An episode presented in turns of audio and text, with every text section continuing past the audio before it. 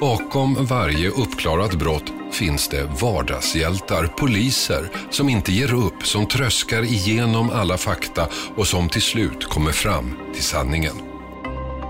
Under alla år som jag har gjort Efterlyst har jag träffat hundratals brottsoffer som alla vill ha upprättelse genom att den skyldige ställs till svars. Jag har också träffat hundratals brottslingar som i många fall trodde att de skulle klara sig, i alla fall i den stund de utförde brott. Men den här podden handlar inte om brottsoffer, den handlar inte om förövare. Den här podden handlar om de som gör sitt jobb. De som ser till att den skyldige åker fast. De som ger brottsoffren upprättelse. Den här podden handlar om utredarna som löste fallen jag aldrig glömmer.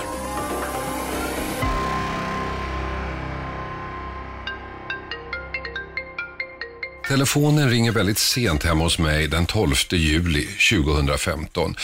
Jag ser på numret att det är nyhetsredaktionen som ringer och jag anar vad som hänt.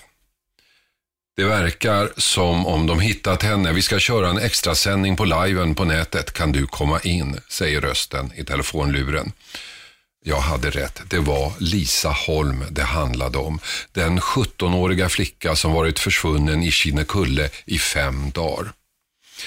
Beskedet var inte oväntat. De fynd polisen gjort under de dagar man letat efter henne talade sitt tydliga språk. Hon levde inte. Jag tog bilen in. Trafiken i sommarnatten var obefintlig och ganska snart satt jag i studion. Fortfarande ingen bekräftelse, men polisen hade utannonserat en pressträff på Kinnekulle. I väntan på den satt vi i sändning i tv-studion och spekulerade. Även om jag var rätt säker på vad polisen skulle säga ville jag inte formulera det innan det bekräftats. Så kommer då presstalespersonen Jenny Vidén ut för att möta journalisterna. Polisen har under kvällen anträffat en avliden person och vi bedömer att det med största sannolikhet är den försvunna Lisa Holm, säger hon. Där och då, i sändning, finns inte plats eller tid för känslor. Det gäller att ta in informationen, svara på frågor och uttrycka sig begripligt och sitta rak i ryggen. Men sen, i bilen på vägen hem, händer något som faktiskt inte sker så ofta, i alla fall inte för mig. Har man arbetat med den här typen av jobb så länge som jag gjort, bygger man ett skyddsnät.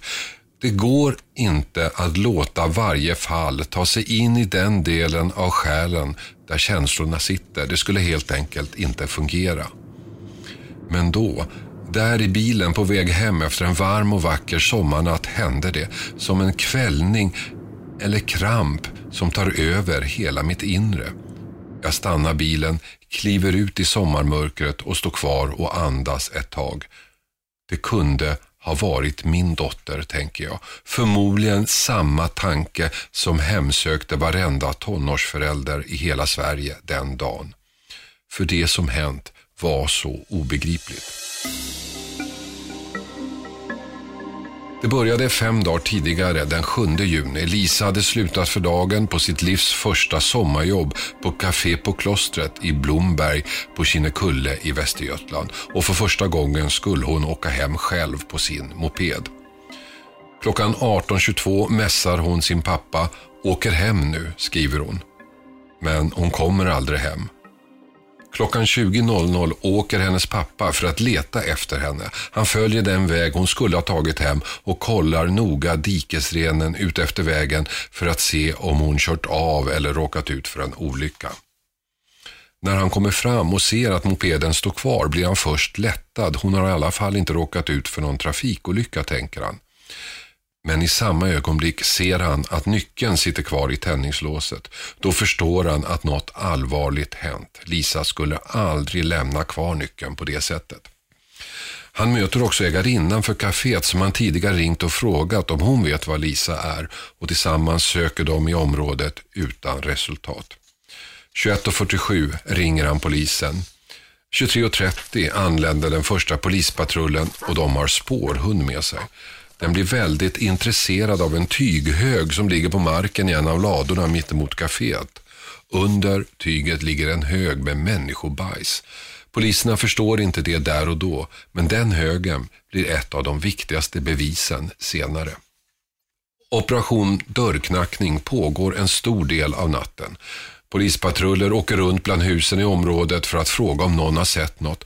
Bland annat knackar man på hos ett litauiskt par som berättar att de jobbar på en gård i närheten över sommaren. Mannen är 35 år gammal och heter Nergios Bilevcius och hans fru Irina. En av poliserna tycker att han gör ett nervöst intryck. Sökandet fortsätter på söndag, måndag, tisdag, onsdag och torsdag och flera viktiga fynd görs. En mc-handske som är Lisas, delar av hennes mobiltelefon, hennes visakort, körkort, nycklar och annat. Föremål som alla tyst vittnar om att något fruktansvärt har hänt. Men ingen Lisa.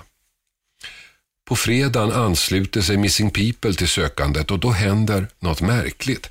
En man kommer fram till gruppen, pekar bort mot ett område och säger på knagglig engelska att där borta är det ingen idé att söka. Området är redan genomsökt. Som försökte han mota bort dem därifrån. Mannen är Bilivicius. Men det får motsatt effekt. Gruppledaren bestämmer sig för att de ska söka just där och det beslutet blir avgörande. Där i en rishög hittas Lisas hjälm med blod på. Hennes jacka ligger också där med den andra handsken fast i ärmen. På jackan finns sekret och blod. Bredvid högen ligger ett blått snöre. Det här leder till två saker. Det första är att polisen beslutar sig att ta in paret Bilevicius till förhör plus hans bror som också bor och jobbar med dem. Det andra är att man koncentrerar sökandet till området där jackan och det andra hittades. I arbetsboden intill tar sökandet slut. Inklämd i ett klädskåp hittas Lisa Holms döda kropp med tejp för mun och näsa. Och några timmar senare hålls pressträffen. Polisen har under kvällen anträffat en avliden person och vi bedömer att med största sannolikhet så är det den försvunna Lisa Holm. Det är en teknisk undersökning. Brodern och hustrun släpps ganska snart. Utredningen inriktar sig mot Nergius Bilevicius. De bevis som presenteras för tingsrätten är besvärande. Hans sekret och blod finns på jackan. Byggnaden där hundarna hittat bajs som visar sig komma från just honom, i den gjordes en mängd andra fynd. Lisas örhängen och hennes hårstrå, en silvertejpsrulle, en bit avriven tejp och en bit av ett blått snöre, allt med hennes DNA på. Hans DNA fanns på flera blå snörstumpar och på silvertejpen. Hans sperma fanns i rummet på flera ställen. I ett av rummen, det så kallade mjölkrummet, satt ett vattenrör fast uppe på väggen. Bredvid röret hittades Lisas hårstrå och på röret fanns hans DNA. På en del av röret saknades det damm och det gick att se ett mönster som hade ett rep knutits fast runt det. Även på Lisas kläder hittades hans DNA, till och med innanför hennes byxor och på hennes trosor. Utöver allt detta kunde också hans bror och fru berätta att han varit borta en tid under själva mordkvällen. Han saknade alltså alibi. Själv sa han bara en enda sak. Jag är oskyldig. Och så fortsatte det även under rättegången. Han försökte inte förklara hur hans DNA fanns på så många olika ställen, inte minst på Lisas kläder. Han försökte inte förklara vad han gjort under kvällen. Han försökte inte förklara våldsvideorna polisen hittade på hans dator. Han försökte inte förklara någonting. Jag är oskyldig var det enda han sa, genom tingsrätten och genom hovrätten. Domstolarna trodde honom inte. Deras slutsats blev att Lisa Holm dödats genom hängning på vattenröret med det blå snöret eller strypning i mjölkrummet. Att Bilevicius njutit av att se henne dö och att han därefter gömt kroppen i klädskåpet. Straffet blev livstid. Efter hovrätten bytte han advokat och hans nya Björn Hurtig sökte resning i Högsta domstolen. Han argumenterade att det fanns spår som inte hade analyserats, till exempel hårstrån på kroppen. Det fanns DNA-resultat som inte förklarats, till exempel varför hustruns DNA fanns på kroppen. Att datoranalysen kunde visa att han faktiskt hade alibi. Han menade också att en väldigt stor del av den tekniska bevisningen inte hade analyserats alls, vilket var en svaghet. Mellan raderna i hans överklagan framgår att Billy Vicious kan ha varit i kontakt med kroppen, fast först efter dödsfallet, att han hjälpt gärningsmannen att gömma kroppen vilket skulle kunna förklara DNA-spåren och gärningsmannen var underförstått brodern. Högsta domstolen avslog hans begäran. Straffet fortsatte först i Sverige, nu mer i Litauen, dit han på egen begäran flyttades förra året. Mordet på Lisa Holm blev extremt uppmärksammat. Från första dagen av hennes försvinnande och sen hela sommaren fylldes tidningarnas löpsedlar och första sidor med rubriker om henne.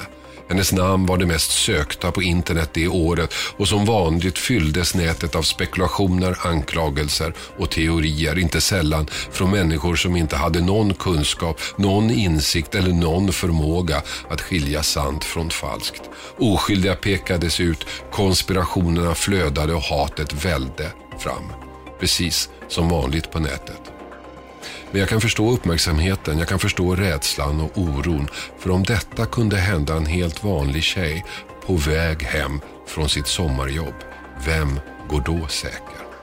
Lars Johansson var spaningsledare i det här fallet. Vi hade ju målsättningen hela tiden. Vi jobbade ju efter det att vi skulle hitta flickan då. Men eh, vi kan väl säga då när eh, gärningsmannaprofilgruppen ringde och frågade om jag fick komma ner och titta i ärendet. Och jag kommer inte ihåg vilken dag det var, det var på onsdagen eller något sånt där. Vi träffade dem på torsdagen i alla fall och då fick vi ja, från dem eh, ett antal punkter då där de bland annat i någon sa det att de var väldigt tveksamma till om, man, om att flickan levde då. Och det grundade de bland annat på då att eh, att man inte hade hittat kroppen här i närområdet. Bland annat då att eh, det var även så att den här, eh, det var en avföringshög där inne som man tyckte också var konstig då, som, som hörde till det. Och eh, man sa väl även att, då, att vi skulle leta efter en gärningsman som har någon koppling till närområdet. Men vad de sa då var att Lisa hade blivit bortförd och mördad av dem. Det var egentligen Ja, det, var deras eh, ja, hypotes som de gav till oss där. Vi jobbade att vi skulle hitta Lisa levande men vi förstod väl det att det, ju mer tiden går ju svårare är det att hålla någon så liksom dold så här lång tid. Det, det var väl inte troligt. Mm. Eh, vi återvänder till det, det här som eh, man sa på GMP-gruppen.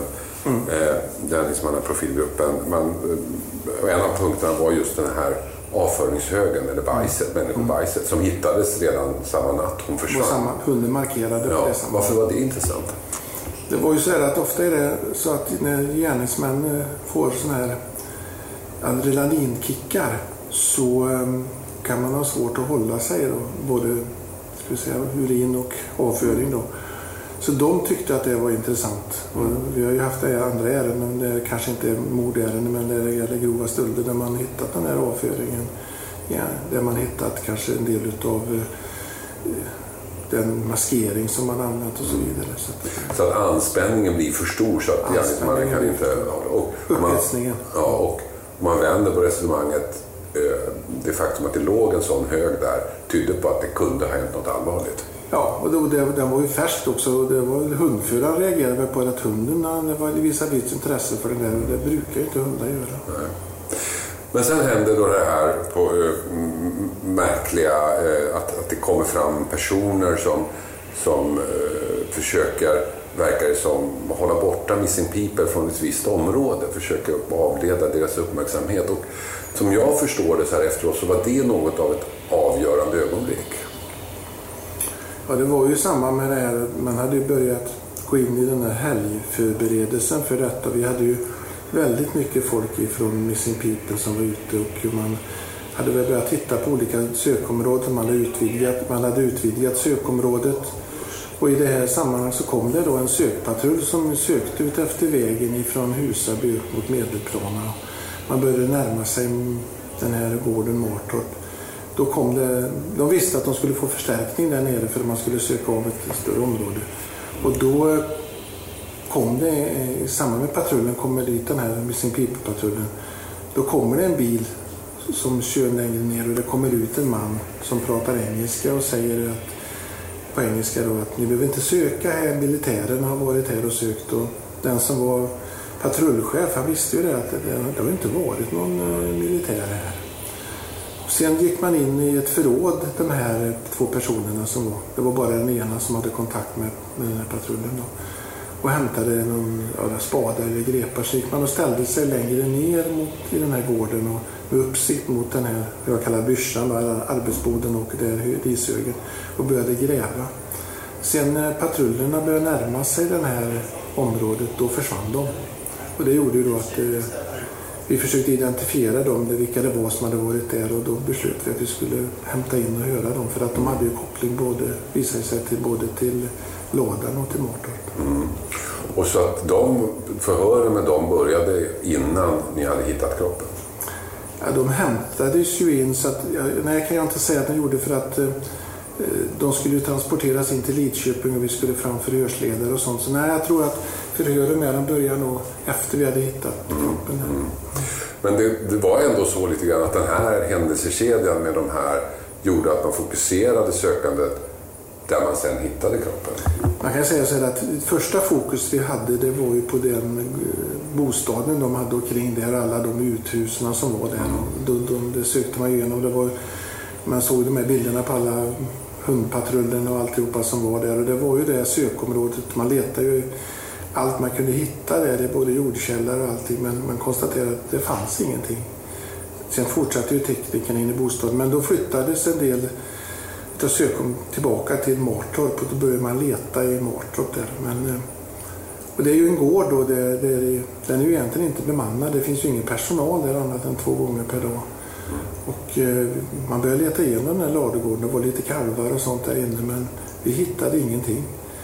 Samtidigt då så höll ju teknikerna på vid den här fyndplatsen som låg lite, vad ska jag säga, norr om den här, i den här rishögen. Och man hade när man hade säkrat av det där så sa man det att vi får väl titta lite omkring här också då. Och då var man framme vid den här byschan som jag kallade det då.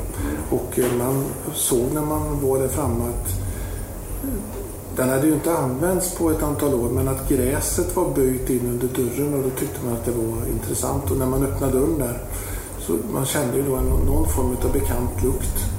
Så man förstod att det kanske var någonting här inne ändå.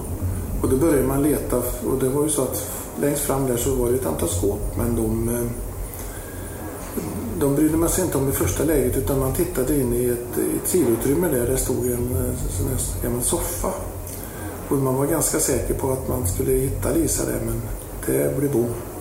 Och sen öppnade man ju det första skåpet, inget, andra skåpet, tredje skåpet så var det en klädhöjd och manöver. Fortsatte nästa och nästa och så var det ett kylskåp, hittade ingenting. Men i det sista så tänkte de då att vi får väl lyfta på den där klädhögen och då, då var vi Lisa där. Polisen har eh, under kvällen anträffat en avliden person och vi bedömer att med största sannolikhet så är det den försvunna Lisa Holm. Hon har hittats i det tidigare aktuella sökområdet.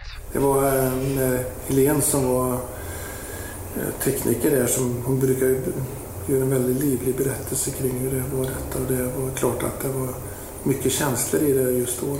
Du säger att det var mycket känslor i hennes berättelse, eh, kriminalteknikern som hittade. Men man får en känsla av att när man följde det här utifrån att det var mycket känslor hela vägen. Mm. Även, även, från polisen så att säga. Ja.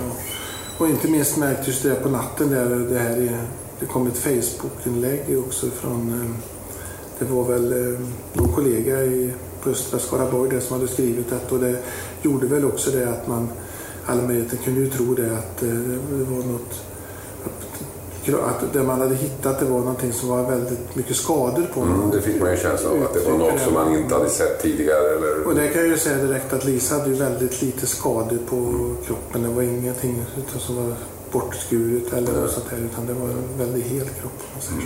Ni befann er ändå i, i, i den situationen att när kroppen hittades så hade ni redan gripit ett antal personer som ni trodde var intressanta för utredningen. Det var liksom ingen spaning däremellan utan det här skedde ungefär samtidigt. Det var ju så här, vi, det här var ju då, vi hade ju hämtat in andra personer även innan och hört i, i ärendet men det var, de var ju inte gripna utan de var ju hämtade och sen när vi hörde dem på natten där så gick ju deras berättelse inte ihop. Mm. Och då blev de ju anhållna sen på natten. Där. Det var ju mycket konstigt. De stämde ju in, även lite in på det här med koppling till, till bygden och de kände till både platsen där Lisa, som vi antog då hade mördats i det läget och, och eh, den plats där hon hittades. Så det var ju mycket som gick ihop där för, för vår del.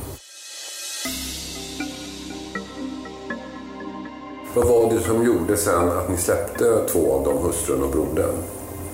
Det var ju, eh, hustrun var ju bara anhållen och senare häktad på skäligen. Hon satt ju bara på en, en vecka. Och det, man kan väl säga att broderns och fruns då, berättelse då gick ju i vissa delar väldigt bra ihop. Mm. De hade varit kvar i lägenheten eller i den här bostaden medan det kom fram uppgifter då att eh, i förhören var det fram, främst med brodern att eh, de hade blivit liksom så fort de väckte frågan om det här med Lisa så, så var, var brodern väldigt irriterad och sa att eh, jag, ni ska komma ihåg att jag var hemma vid ett visst klockslag och så vidare. Och det gjorde ju det att eh, misstanken mot honom ökade och minskade mot de andra. Och vi hade inte så mycket på de andra heller kan vi säga. Då, Men sen eh, vidtog en ganska intensiv period av teknisk spår, att försöka hitta tekniska spår. Mm. Eh, för att ni fick inte någon hjälp av, av honom. Han medverkade inte på något sätt vad jag förstår. Nej, vi kan ju säga då att eh, vi hade, fick ju väldigt mycket hjälp ifrån hela Sverige med teknikergrupper. Vi hade både Bergslagen och, Blekinge och alltihopa. Så att vi fokuserade ju då på att leta igenom ladan. Och eh, sen blev det ju så att eh, under, när veckan gick så var det olika ställen som vi sökte igenom. Det det, ni märkte att det var ju flera platser avspärrade. Många av dem hade ju koppling till det här senare då, de här tre personerna då, att de hade jobbat på olika ställen där. Men eh, det blev mycket fokus på, på den tekniska biten sen. Ja. Mm. Eh, som utomstående så reagerade man på att ni inte hittade mer. Ja, vi tycker väl ändå när, när slutet kom att vi hade en ganska gedigen eh, spårsäkringsbit där, både med, på flera platser där vi hittade då gärningsmannens DNA kopplat till eh, mm. henne. Då, så att, mm. Jag har väl varit med om ärenden där man kanske bara lutar sig mot ett DNA. Här var det väl minst 14-15 stycken mm. olika mm. typer. Mm. De satt på olika ställen och inte ja, byxor och sådana ja, saker. Eh, men ändå förvånade det dig inte att, att, ni hittade, att ni skulle hitta något mer större avgörande saker med tanke på att det ändå var en våldsam händelse som inträffat? Jag tycker ändå vi, om vi tittar på det här eh, rummet där vi antar att eh, hon har blivit döda dödad då, så hittar vi både hårstrå, vi hittar ju spår på, eller teknikerna hittade spår på de här reperna på olika ställen och det, det, jag tycker att det, om man säger kort, i kortspel, det var full hand där. Vi fick bra utfall på de här bitarna. Framförallt sen när vi kopplade ihop detta med rättsläkarna. Vi hade ju rättsläkarna på plats. Först ville de ju inte säga någon dödsorsak men efterhand där när så fick man ju fram det och till slutligen då så bestämde de sig för att det var hängning. Då. Mm. Det här pågick ju ganska länge det här arbetet eh, och det var ganska många personer inblandade. Mm. Det var det, men samtidigt som vi försökte minska ner de som hade insyn i ärendet för att jag var livrädd för att eh, våra vittnen skulle liksom konfronteras med pressen och det här också för att det, det, det mycket stod ju full med de här olika vittnesiakttagelserna och även då ja, när man hade sett olika personer på olika ställen där. Så att vi snärjde åt ganska mycket i våra polisiära system och även i, i de här eh, åklagarens system. Då. Ja, vi var en, en mycket begränsad grupp, då, kanske fem, sex stycken med, som hade total blick över ärendet och med åklagaren. För det var en annan sak som slog en som utomstående journalist att det, det läckte inte så mycket information från den här utredningen. Man har varit med om andra utredningar där det läckt mycket mer kan jag säga. Ja, vi kan ju säga vi, vi, en, vi jobbar ju på, på landet och vi sitter i en speciell del av polishuset. Och, det kan ju vara så att vi fikar lite grann för oss själva och sådär och det är ju att det är ju lätt att prata för mycket när man sitter i, vid kaffebordet och sådär men vi försökte hålla det för oss själva så mycket och vi förstod att det var, det var många som fikade efter uppgifter men vi är ju vana vid att eh, vi, på, i Skaraborg där att eh, vi har uppgifter, det läcker inte så mycket. Kollegor håller tyst. Man förstår att det är viktigt. Ja, så småningom så, så blev ni ju klara och det blev, en för, alltså det blev ett åtal mm. eh, baserat på de i huvudsak eller uteslutande på de tekniska mm. bevis ni hittat. Hur, hur kändes det när, ni, när du kunde lämna ifrån det här när ni var klara? Det var ju många sådana här turer fram och tillbaka. Jag vet att jag hörde på, på de, man var otålig på pressen. Det kommer inte nu, nu är det något krångel här beroende på att det, nu har det skjutits upp igen. Men ofta var det så att det, det, vi hade mycket dialogförhör. Det, det, var, det tog tid att skriva ut de här förhören och eh, sedan skulle vi ha skälig delgivningstid. Och vi skulle även åka till Litauen för att höra brodern och dottern igen och det tog ju lite tid det också. Då, så att göra. Men eh, ja, ibland så, så vill det till att man syr ihop det där sista och är det klart att vi jobbar ju hela tiden under tidspress men jag tycker ändå vi fick ihop ett bra på slutet. Tvivlar du någon gång på att den här bevisen som ni presenterade och som sen rättegången byggde på, att de skulle hålla? Tvivlar du någonsin på att han skulle bli fälld? Vi ska ju vara objektiva så jag vill mm. liksom inte liksom säga att äh, vi, är, vi är 100% si eller så utan att eh, vi, vi presenterade ett material som vi trodde var, var bra och skulle hålla för en mm. rättegångsprövning. Ja. Eh, och det gjorde det ju. Han blev ju fälld i tingsrätten, han blev fälld även i hovrätten. Ja, idag lämnar Nerius Bilivicius advokat Björn Hurtig in överklagan enligt P4 Skaraborg som också rapporterar att Nerius Bilivicius nu ger en helt annan version än den han tidigare stått fast vid. Sen gjordes det en, en, eh, ansökan om resning till Högsta mm. domstolen mm. Eh, där, där advokaten hade listat upp, jag tror det var 17 mm. punkter som mm. han menade mm. talade för resning. Och underförstått mellan raderna så kunde man tolka resningen så att ja, eh, den dömde kunde ha varit med kanske och forslat undan kroppen men det kunde ha varit någon annan mm. som utfört själva mordet. Det fanns ingenting som pekade på just det. Och den andra stod ju någonstans mellan raderna skulle vara brodern. Mm. Eh, vad säger du om det? När det gäller brodern så, så fick ju den gärningsmannen en, en, direkt fråga även under rättegången om, mm. om det var, liksom man kunde tro att det var brodern eller något annat. Det hade han ju ingenting som förde in på detta. Mm. Sen vet jag då att eh, advokaten, Hurtig heter han förresten. Det är en, en slug jävel om vi uttrycker på det sättet. Så att vi var väl, vi förstod väl att eh, här fick vi nog eh, passa oss och vi tillgodosåg det han ville ha. Vi visade honom brottsplatsen, vi visade honom alla, hela bildmaterialet. Och sen hade vi lite olyckligt där att vår IT-tekniker när han skulle svara på en fråga så hänvisade han till fel beslag och det gjorde han lite stor ja. sak om. Mm. Men det, jag hoppas det redde ut sig sen. Nu har det gått en tid. Eh, det här blev ju ett extremt uppmärksammat mål eh, den sommaren. Vad, vad tror du det var som gjorde att det blev, fick sån otrolig genomslagskraft? Ung flicka, ingen brottslig belastning, inget konstigt. Folk kunde liksom tänka sig att det kan ju vara min dotter eller min son detta. Jag tror det ligger mycket där. Att det... Ja, det tror jag också det sista därför. Så tänkte jag. Ja. Att liksom ja, just detta och sen blev det, det accelererar ju liksom hela tiden för att vi tittar i Skaraborg där nere, det var ett fruktansvärt engagemang. Bara mm. titta på Missing People, de har aldrig varit med om det liknande. Vi hade ju över tusen personer där på, var det på torsdagen eller fredagen och på helgen räknade de med ännu mer. Mm. Vi hade företag där nere, de körde ut pallvis med korv och dricka och alltihopa. Så det var ju, vi hade ju problem med våra, inte problem med vår personal. Personalen ville ju inte gå hem. Nej. Eh, den yttre personalen, man, man körde ju då sig bort och lite till. Och, jag vågar inte ens tänka på det med arbetstidsbestämmelserna. I det men många hade ju kopplingar. Man bodde ju på småorten, någon kände någon och så vidare. Så att det var ett jätteengagemang. Och det blev det ju även för oss som jobbade utredningsmässigt sett. Så här efteråt, fanns det någonting i det här som du tänker att ni skulle ha gjort annorlunda eller någonting som nu när du har funderat på så här? Eh, för jag antar att du har gått igenom det här Ja, det låter ju väldigt självgott men jag, jag, jag har lite svårt. Jag tycker att vi fick ett så väldigt bra utgångsläge genom att vi fick så mycket tips. Vi hade så jättebra material när vi gick in i själva morddelen där.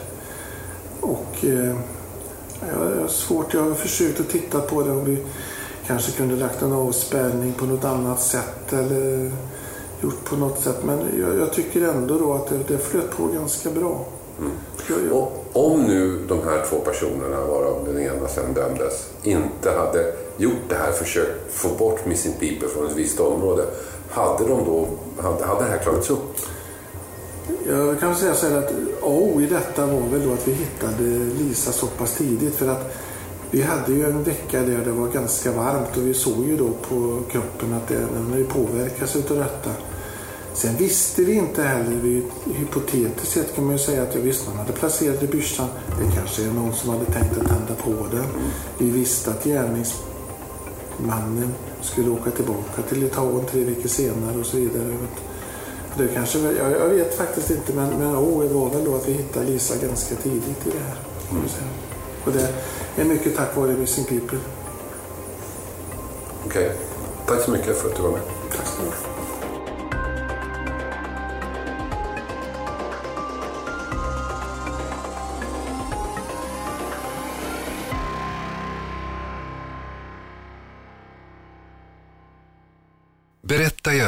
Fallen jag aldrig glömmer för dina vänner så att fler får chansen att lyssna. Har du förslag på vilka fall du vill att vi ska ta upp eller bara berätta vad du tycker så mejla till fallen at ilikeradio.se. Och jag har några som jag gör den här podden med som jag vill tacka lite extra.